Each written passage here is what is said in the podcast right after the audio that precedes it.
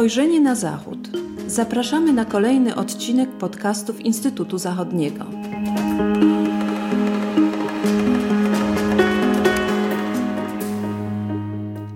Dzień dobry, z tej strony Patrycja Teper. Witam Państwa w kolejnym odcinku podcastów Instytutu Zachodniego.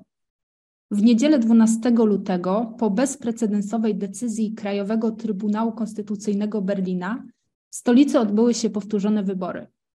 Przypomnijmy, że berlińskie wybory krajowe do Izby Posłów i wybory do zgromadzeń dzielnicowych, które odbyły się we wrześniu 2021 roku, zostały uznane za nieważne.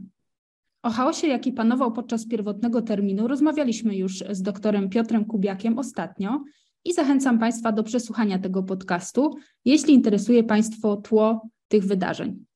Natomiast dziś również z doktorem Kubiakiem, kierującym zespołem Niemcy, Państwo, Społeczeństwo, Gospodarka w Instytucie Zachodnim, porozmawiamy o wynikach powtórzonych wyborów, czyli spektakularnym zwycięstwie CDU oraz jego konsekwencjach. Dzień dobry, Piotrze.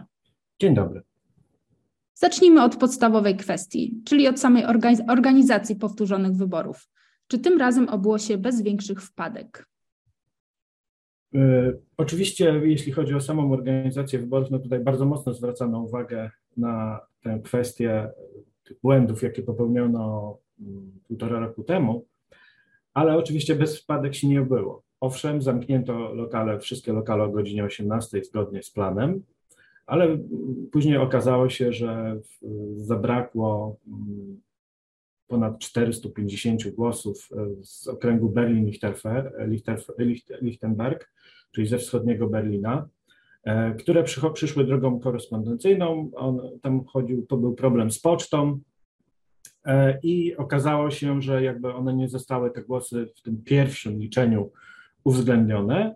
No i po ujawnieniu całej sprawy, jakby krajowy kierownik wyborczy zadecydował o tym po konsultacjach z ekspertami, o tym, że no, te wyniki będą jeszcze raz przeliczane. To jest o tyle ważne, że jest rzeczywiście bardzo mała różnica w liczbie głosów między kandydatem, mm, kandydatką, e, właściwie między, CD, między SPD która zajęła drugie miejsce w wyborach, a Zielonymi, którzy, którzy zajęli trzecie miejsce. Tam była pierwotnie różnica 105 głosów, więc jakby te brakujące 400, ponad 450 głosów mogło zadecydować o tym, że Zieloni zajęliby drugie miejsce w tych wyborach. Ale wydaje mi się, że mm, akurat ten, w tym okręgu to tutaj, to tutaj Zieloni nie powinni liczyć na jakiś spektakularny Wynik, e, zdaje się, tam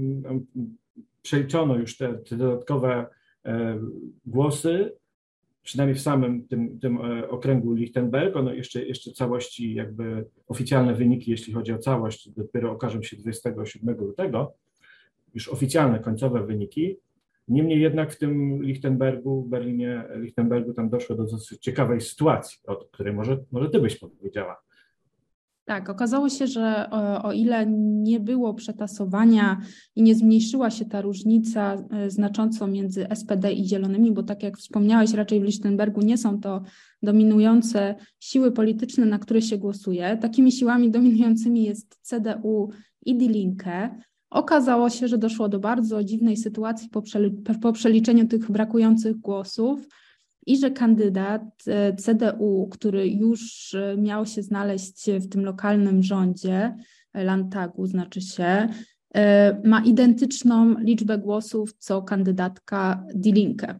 I tutaj problem polega na tym, że prawo wyborcze mówi w takiej sytuacji, że rozstrzygnięcie, rozstrzygnięcie kto, kto faktycznie będzie w, w Izbie Posłów, e, powinno nastąpić w drodze losowania. Także być może zadecyduje tutaj o ostatecznym wyniku losowanie. Zobaczymy, jak się potoczy ta sytuacja, ponieważ Dilinkę chcą, żeby przeliczyć jeszcze raz wszystkie głosy. Co z tego, co wiem, do czego nie, nie przychylono się, z tego, co wiem, ale kto wie, co się, co się wydarzy potem. Jest to o tyle znaczące, że ma również, um, może, się, może się pojawić taki efekt domina. To znaczy, jeżeli przedstawiciel Dilinkę wejdzie do, do Izby Posłów, wtedy może się okazać, że te głosy wyrównujące się zmienią i będziemy mieć nieco nieco inny układ w tej Izbie Posłów. Natomiast no, nie należy się tutaj spodziewać jakichś wielkich przetasowań i różnic. Jednak ta mała wpadka tutaj okazała się dosyć znacząca przez bardzo, bardzo wyjątkową sytuację. No dokładnie. Tam jeszcze, jeszcze zwrócono uwagę E, na to, że w jednym z okręgów, z lokali wyborczych w dzielnicy Kreuzberg, tak, w tej dzielnicy, gdzie zieloni dominują, e, tam doszło do jakichś tam drobnych nieprawidłowości, więc tam, tam pojawią się, pojawiły się pewne wątpliwości. Niemniej jednak, jeśli chodzi o tę, tę sprawę Lichtenberg, może to oznaczać, że po prostu będzie większa liczba e, posłów w Izbie, E, w parlamencie krajowym, dlatego że no, po prostu będzie trzeba, jeśli będzie kandydat, kandydatka Dilinke akurat zostanie wylosowana, to będzie trzeba po prostu wyrównać e, ten, dodatko, te, te, te, ten dodatkowy mandat tym pozostałym partiom, to, to ze względu na tą dosyć skomplikowaną procedurę wyborczą, a więc, ale o tym może już nie w tym momencie. Tak, ale ogólnie e, w, z doniesień prasowych możemy się dowiedzieć, że wybory były wręcz zbyt idealne, to znaczy osoby, które pracowały przy tych wyborach, czasami narzekały, że do przeliczenia 200 głosów było 12 osób, czyli naprawdę starano się, żeby tym razem nic e, ze strony organizacyjnej się nie wydarzyło. No tutaj oczywiście zawsze należy mieć na uwadze ludzkie błędy, które się też zawsze pojawiają, ale nie będzie, wybory na pewno są ważne, nie zostaną unieważnione. Tutaj raczej takiej sytuacji jak półtora roku temu nie będzie. E, Piotrze, i porozmawiajmy teraz o tej bardzo dużej przewadze, z którą zwyciężyło CDU, i to jest wynik lepszy o 10 punktów procentowych aż niż w tym pierwotnym terminie półtora roku temu. Powiedz, czy to było zaskoczenie i jak wyglądają wyniki innych partii i jakie dają możliwości do stworzenia koalicji? No właśnie, e, jeśli chodzi o e, wynik CDU, w sondażach przed e, wyborami przewidywano, że Hadecja tym razem zwycięży. Tak? To, jest, to jest dla Hadecji rzeczywiście bardzo duży sukces, bo od wyborów w 2001 roku cały czas zwyciężali tutaj socjaldemokraci, a więc no, to jest rzeczywiście takie przełamanie pewnego, pewnego E, monopolu SPD. Niemniej jednak e, sondaże dawały Hadecję około 24, 25, no góra 26% poparcia. Tymczasem uzyskali oni 28% e, i 0,2, a więc no, jest to wynik dużo, dużo wyższy od przewidywanego i tutaj pojawia się pewna, pewna tutaj taka debata nad tym, co ten wynik może rzeczywiście oznaczać dla pozostałych partii w kontekście strat, jakie poniosły partie rządzące, rządzącej w Berlinie e, lewicowej koalicji SPD, Zieloni, Die Linke. To znaczy, jakby ta przewaga, o której wspomniałeś, ponad e, prawie 10 e, punktów procentowych nad SPD, która tym razem miała 18,4% poparcia, podobnie jak wspomniani, wspomniani Zieloni, też 18,4, tylko te e, w tym pierwszym liczeniu, co się okazało, 105 głosów mniej, e, a więc przy, przy ponad 280 e, tysiącach chyba głosów, no to rzeczywiście różnica była bardzo mała. Dodatkowo również ta trzecia partia w tej koalicji, czyli Dilinka, poniosła także straty. E, i ona uzyskała 12,2%. Do Landtagu weszła również AfD, która uzyskała 9,1% e, poparcia, a więc i AfD troszeczkę zwiększyła swój stan posiadania o jeden punkt procentowy. E, poza Landtagiem, to jest, to jest dosyć istotne, znalazła się FDP, która nie przekroczyła granicy progu, 5% progu wyborczego, więc no, przedstawicieli tejże formacji zabraknie już w tym, tym nowym Landtagu. I rzeczywiście ten, ten, ten wynik wyborów to, to jest y, w pewien sposób y, mm, pewien znak protestu mieszkańców wobec, wobec y, tej rządzącej w Berlinie koalicji, wobec tego stanu rzeczy, jaki, jaki jest obecnie w Berlinie. Ale o tym chyba za chwilkę jeszcze, jeszcze wydaje mi się, że porozmawiamy o tych przyczynach porażki partii koalicyjnych. Ale co ciekawe, właściwie w porównaniu, ta frekwencja wyborcza, w porównaniu do tych wyborów z września 2021, do tych unieważnionych, była tym razem o wiele niższa, tak? czyli aż o e, ponad 12 punktów procentowych niższa.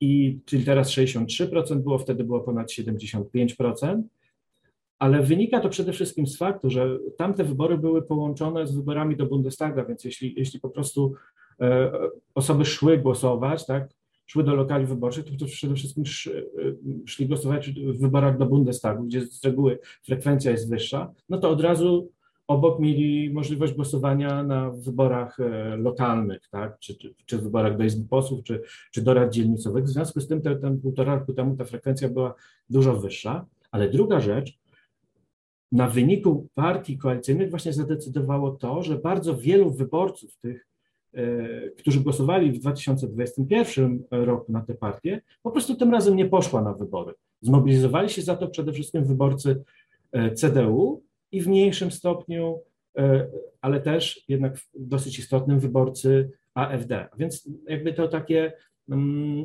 taka pewna żółta, żółta kartka dla, dla koalicjantów, dla rządzących partii ma pewne znaczenie w tym kontekście zbliżających się rozmów koalicyjnych. Tak, oglądając, przyglądając się kampanii wyborczej e, CDU, można było zauważyć, że E, oni postawili e, w swojej kampanii na taki temat, żeby właściwie nie wybrać, odwybrać, jak można przetłumaczyć, obecną koalicję po prostu ze względu na popełniane przez, przez ostatni czas błędy, głównie przez SPD. Przecież to jest ponad 20 lat rządów w Berlinie i wielu strukturalnych niedociągnięć, których efekty widać właśnie też dzisiaj.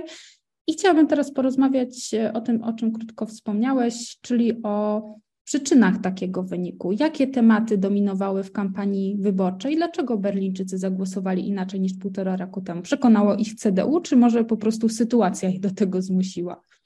I akurat jeśli chodzi o, te, o, ten ostatni wątek, ja bym powiedział, że bardziej sytuacja ich do tego zmusiła. To znaczy, e, oczywiście w, mieszkańcy Berlina są przede wszystkim zmęczeni i rozczarowani e, obecnymi rządami lokalnymi, tak? Bo naprawdę y, socjaldemokraci ponoszą odpowiedzialność za, za te ostatnie rządy, ostatnie 20 lat rząd, ponad 20 lat rządów w Berlinie, w różnych konstelacjach, tak? Bo w latach 2000 na przykład 11-16 rządzili wspólnie z CDU, tak? Ale jako silniejszy partner. Niemniej jednak od 2016 roku mm, dwa rządy, dwie, dwa rządy, najpierw kierowane przez, przez Michaela Millera, później właśnie od, od e, jesieni 2021 roku przed, przez Franciskę Giffey, e, to były dwie koalicje mm, SPD, Zielonych i Die Linke. I, na, I, w tych koalicjach rzeczywiście działo się generalnie e, bardzo źle. To znaczy, bardzo często się kłócili w koalicjanci, te sprawy wychodziły na zewnątrz, ale nie dochodziło do tego, czego oczekiwali najbardziej mieszkańcy, czyli po prostu do przeprowadzania tych takich kluczowych, strukturalnych reform. Chodziło przede wszystkim o problemy mm, z e, administracją, e, z tym, że po prostu załatwienie spraw w Berlinie, nie wiem, rejestracja samochodów, kwestia zameldowania i tak dalej, to wszystko trwa bardzo długo, tak? Ta administracja jest opieszała, brakuje urzędników.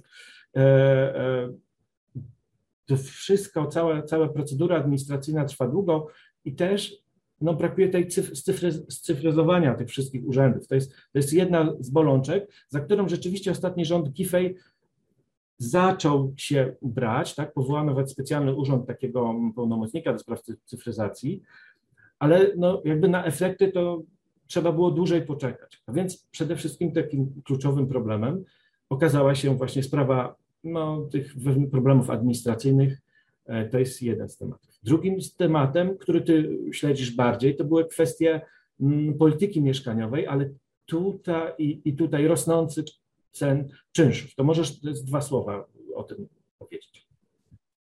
Tutaj istotnym e, w trakcie, w trakcie kampanii e, było oczywiście temat wywłaszczenia dużych koncernów mieszkaniowych, czyli takich, które w stolicy posiadają ponad 3000 e, mieszkań. To referendum skończyło się sukcesem półtora roku temu. Tutaj jakby w głosowaniu w, w wyborach, które odbyły się w zeszłą niedzielę 12 lutego nie powtarzano, nie powtarzano głosowania w sprawie, w sprawie wywłaszczenia, czyli ona jest e, też cały czas w mocy. I organizatorzy tego referendum próbowali aktywnie wpływać na wynik wyborów, e, tak żeby mm, wywłaszczenie miało jak największe szanse powodzenia. I partiami, które jednoznacznie opowiadają się za inicjatywą, są przede wszystkim Die Linke i Zieloni. SPD, mimo deklaracji raczej za wywłaszczeniem, no, obciąża przede wszystkim stanowisko obecnej pani burmistrz, czyli Franciski Giffey, która w ocenie zwolenników tej inicjatywy wywłaszczenia sprzyja bardziej lobby nieruchomościowemu, czyli po niemiecku immo lobby, to trochę lepiej brzmi, e, i hamuje tutaj pozytywne rozstrzygnięcia. Mm, w ostatnich miesiącach y, w sprawie tej inicjatywy udało się zrobić krok naprzód. Uzyskano opinię ekspertów, które pracują też w gremiach, y, y, przyglądając się możliwościom prawnym wywłaszczenia, i oni ocenili, że jest możliwe prawnie takie wywłaszczenie. Ja tutaj widzę też jakby taki ukłon przed wyborami, gdzie chciano pokazać, że, że można jakiś postęp w tej sprawie zrobić. E, natomiast, natomiast ten temat e, no raczej nie odgrywał jakiejś e, wielkiej roli, to znaczy mieszkania jak najbardziej, ale tak jak już wspominałeś, bardziej tutaj takie chyba systemowe, strukturalne jakby niedociągnięcia SPD i w, w przeciągu tych 20 ponad lat, kiedy no nie zbudowano wystarczającej liczby mieszkań, miały, miały tutaj, były takim głównym punktem ponieważ e, CDU, e, która, która jest tutaj teraz największą siłą w Berlinie, ona się wypowiada przeciwko wywłaszczeniu. No i tutaj przeciwna jest e, również AfD. Mm, muszę powiedzieć, że to też wydaje mi się ze strony Berlińczyków trochę rozczarowanie być może dotychczasowym i dotychczasowym rozwinięciem się tej inicjatywy, gdzie nie ma jakby pomysłu na jej realizację, ponieważ jak wiadomo mamy tych gigantów z branży nieruchomości, którzy dysponują wspaniałymi prawnikami y, i tutaj rząd wydaje się grać mimo wszystko na czas i trochę sabotować inicjatywę ze względu na strach przed, przed pozwami i również odwoływaniami, odwoła, odwołaniami od, od wszelkich y, rozwiązań, które na pewno ci giganci mieszkaniowi, którzy na pewno będą pozywali pozywali decyzje wszelkie związane z wywłaszczeniem do różnych instancji. Także to był temat, ale on e, ostatecznie, kwestia, kwestia właśnie referendum i mieszkań to nie było chyba główny temat, biorąc pod uwagę CDU. Bardziej chyba liczą Berlińczycy na to, że CDU zrobi porządek w inny sposób, bez, bez wywłaszczania. E, dokładnie, dokładnie. Niemniej jednak też, też należy pamiętać, że rzeczywiście ten, ten kwestia, kwestia tego referendum, czy też kwestia wywłaszczenia, ona, ona została w pewien sposób przyblokowana e, w, w tej rządowej komisji, między innymi z inicjatywy, z inicjatywy pani y, burmistrz Giffey, e, a więc jakby socjaldemokraci trochę przyhamowali też, też jakby te prace, prace nad, nad ewentualnym e, wywłaszczeniem, no ale rzeczywiście to tutaj, jeśli doszłoby do takich prób, no to, no to moglibyśmy się spodziewać bardzo głośnych procesów.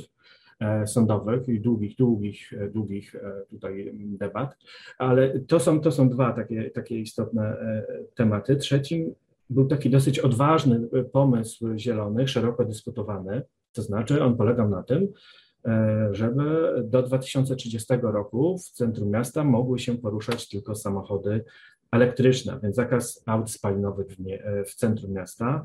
Dodatkowo zieloni postulowali ograniczenie przynajmniej o połowę miejsc parkingowych, po to, ażeby stworzyć jakby takie większe przestrzenie dla, dla rozbudowy e, chodników i przede wszystkim ścieżek rowerowych. Ten, ten, I ten temat, dosyć, to jest dosyć ciekawa sprawa, on zyskał popularność, y, trafił na podatny grunt przede wszystkim w tych dzielnicach centralnych, tak? czyli ci mieszkańcy ścisłego centrum Berlina, którzy generalnie gdzie, gdzie tam też no, mieszka dużo, dużo ludzi młodych, najchętniej właśnie głosowali na zielonych. Tak? Jeśli byśmy tak popatrzyli na, na, na, taką mapę wyborczą Berlina, to mamy taki środek, gdzie samo ścisłe centrum, gdzie, gdzie dominują zieloni, przede wszystkim te zewnętrzne dzielnice, gdzie przewagę zyskali Chadecy i gdzieś, gdzie niegdzie na wschodzie, na, na brzegach AFD w dzielnicy Marcan, to, jest, to, są takie blokowiska i też na wschodzie troszeczkę sporadycznie pojawiały się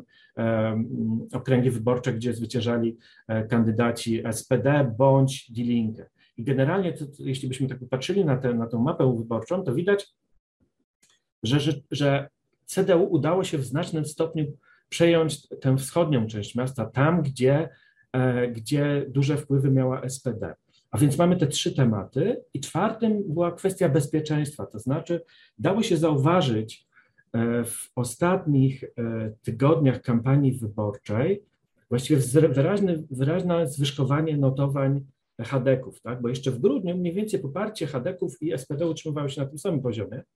I tutaj też była ta sprawa dosyć głośna, nagłośniona w mediach e, tych ataków młodocianych grup na interweniujących, interweniujące służby strażaków, e, także policjantów podczas nocy sylwestrowej. Mm, to było szeroko e, nagłośnione w mediach i to też częściowo ta kwestia bezpieczeństwa, to była też dosyć istotnym takim punktem kampanii wyborczej Hadeków, została wykorzystana e, z korzyścią jakby dla nich. E, I to również, również także AfD, która też jako swego rodzaju partia protestu, też w stolicy podnosząca kwestię nadmiernej liczby migrantów, ona również skorzystała na tym. Ale generalnie należy powiedzieć, że kluczowe było dla, dla, e, dla tych wyników wyborów była, była kwestia tego rozczarowania Berlińczyków e, sytuacją, obecną sytuacją, bo to paradoksalnie e, Franciszka Giffey jest najbardziej popularnym politykiem w mieście. Ona, ona jest nawet popularniejsza od Kaja Wegnera, czyli lidera CDU, czy też, czy też Bettina Jarasz, liderki Zielonych, ale paradoksalnie ona na przykład w, w okręgu Neukölln, e, gdzie startowała, ona przegrała w, ten mandat bezpośredni z kandydatem CDU, tak? Czyli, czyli mimo, że jest taką najbardziej rozpoznawalną e, działaczką polityczną w Berlinie, no to się okazało, że no, nie zdobyła mandatu bezpośredniego. To jest, to, to jest taka prestiżowa, prestiżowa porażka dla niej. E, i właściwie też dostrzega się taki brak takiego mocnego, silnego lidera, bez względu na, e, e, na, na, na partię, który potrafiłby jakby pociągnąć i przeciągnąć wyborców na swoją stronę. Piotrze, a jak szacujesz na najbliższą przyszłość, kto ma największe szanse, żeby zostać burmistrzem? E, i która z tych koalicji, jakie, jakie są możliwości na koalicję, która, która Twoim zdaniem z tych możliwości ma większe szanse na powodzenie? Większość ekspertów wskazywała przed wyborami, że nawet mimo spodziewanego zwycięstwa e, CDU, ta przewaga jednak będzie, nie będzie na tyle duża, że e, ta koalicja, rządząca koalicja SPD, mm, Zieloni, Die Linke, ona się utrzyma E, u władzy. I właściwie o to, kto zostanie burmistrzem, czy, czy też tym pierwszym senatorem, szefem Senatu, inaczej rządu krajowego, będzie e, e, rozstrzygnie się między kandydatką SPD Franciską Giffey, a kandydatką Zielonych Bettinie Jaraś. Ale ten wynik Hadecji, czyli aż ponad 10 punktów procentowych mm, przewagi, aż, aż prawie, bo tam 9,8 punktów procentowych przewagi nad, nad i SPD, i zielonymi, e, spowodował, że, że rzeczywiście jakby wyborcy, w, w oczekiwaniu wyborców można by było zauważyć, że jakby ta Hadecja otrzymała ten mandat do tworzenia, formowania koalicji. Tylko tak naprawdę priorytetem, pomimo tych trudnych relacji w, w koalicjach, e, w, w poprzednich e, rządach, priorytetem dla SPD i Zielonych jednak jest współpraca w łonie tej trójpartyjnej koalicji. Niemniej jednak jakby ta inicjatywa do tworzenia koalicji jest w rękach CDU. Teraz w tym tygodniu już właściwie rozpoczną się rozmowy zarówno i z udziałem CDU i SPD, CDU i Zielonych, ale także będą również rozmawiali z socjaldemokraci i Zieloni mm, i zapewne oni również e, zaproszą jakby Die Linke. W wypadku tej obecnej koalicji to właściwie niczego by nie było trzeba, tak? Nie trzeba by było umowy koalicyjnej, bo ta umowa koalicyjna została już zawarta w roku 2021 i ma obowiązywać do 2026, czyli do końca kadencji tego parlamentu. W wypadku CDU, no, budowania koalicji CDU bądź z SPD, bądź z Zielonymi, no to wtedy oni e, rzeczywiście musieliby uzgodnić umowę koalicyjną i wydaje mi się, że mm, mm, z jednej strony e, trochę czekają i e, socjaldemokraci i zieloni na te oficjalne wyniki wyborów, bo wtedy będzie wiadomo, kto też będzie drugi, tak? I kto, który z polityków będzie miał szansę na, na objęcie urzędu burmistrza. I wtedy, jakby po tym 27 lutego, wtedy, wtedy wiele, wiele się wyjaśni. Rzeczywiście przed wyborami też e, wydawało się, że ta koalicja, pomimo spodziewanych strat, koalicja SPD, Zieloni, Die dalej będzie rządzić, ale ten wynik e, rzeczywiście spowodował i sukces CDU, że Hadecy no, będą mm, jakby będą mogli, e, będą mieli szansę na zbudowanie wokół siebie koalicji, E, jeśli chodzi o sam Berlin, to trudniej to będzie z zielonymi, ze względu na to, że jest dosyć silne e, lewe skrzydło, tak zwani Kreuzbergerzy w, w, wśród zielonych i ten program zielonych i CDU jest o wiele bardziej odległy od siebie od programu takiego obywatelskiego trochę, tak nazwanego obywatelskim, programu SPD i CDU. Ale z drugiej strony SPD też będzie trudniej być tą słabszą, tą słabszą partią, w koalicji z CDU, niż bycie e, jakby tą najważniejszą partią w koalicji ewentualnie z Zielonymi i Die. A więc można powiedzieć, że mm, do końca jeszcze nie wiemy, jakie będą rozstrzygnięcia, będziemy musieli na to trochę poczekać i liderów e, tych najważniejszych partii w Berlinie czekają bardzo trudne negocjacje koalicyjne. Mamy mm, wygraną CDU i tutaj wydaje się, że CDU nie odpuści e, tego tematu, będzie chciało rządzić. Zobaczymy, jak się e, losy tych wyborów w Berlinie jeszcze potoczą. No i też e, tutaj drugi ważny punkt, o którym już wspomnieliśmy, była no raczej duża, duże rozczarowanie FDP, który, który w ogóle nie będzie reprezentowane w Izbie Posłów. E, Piotrze, czy wyniki wyborów w Berlinie są jakimś papierkiem lakmusowych nastrojów całych Niemczech? E, czy możemy mówić o jakichś konsekwencjach na płaszczyźnie federalnej, czy, czy raczej nie? E, my musimy pamiętać, że jednak o, o, tych kluczowe dla wyborców w Berlinie były jednak sprawy lokalne, tak? czyli sprawy kraju związkowego Berlin, to, to właści, które właściwie obejmuje samo miasto. A więc te, te, te, sprawy były kluczowe. Niemniej jednak dla FDP to jest bardzo poważne, bardzo poważne ostrzeżenie. Oni jednak oprócz tego, że e, część ich wyborców z poprzednich lat nie poszła do wyborów, to jednak stracili mm, przede wszystkim mandat, e, przede wszystkim e, elektorat na rzecz CDU. I to też może świadczyć o tym, że ewentualna współpraca na poziomie federalnym w ramach koalicji z e, SPD i Zielonymi, no jest źle odbierana w e, obozie e, liberałów.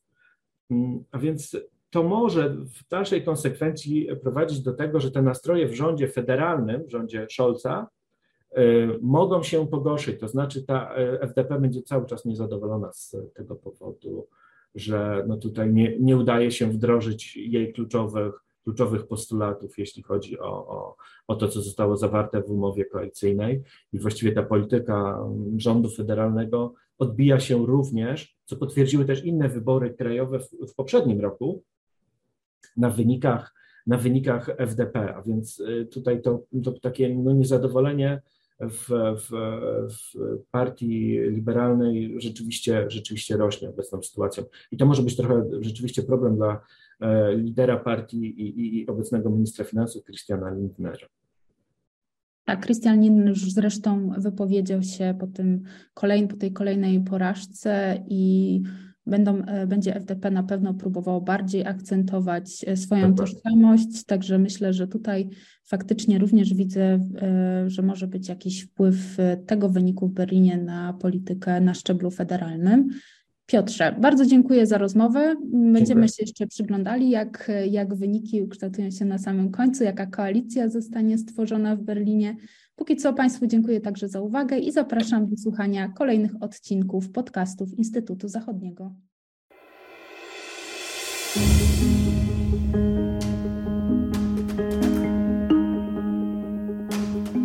Spojrzenie na Zachód. Podcasty Instytutu Zachodniego. Podcasty Instytutu Zachodniego dostępne są na platformach Spotify, SoundCloud i Apple Podcasts oraz na portalu YouTube. Zapraszamy do subskrypcji. Dzięki niej będą Państwo na bieżąco z wszystkimi naszymi nagraniami. Do usłyszenia.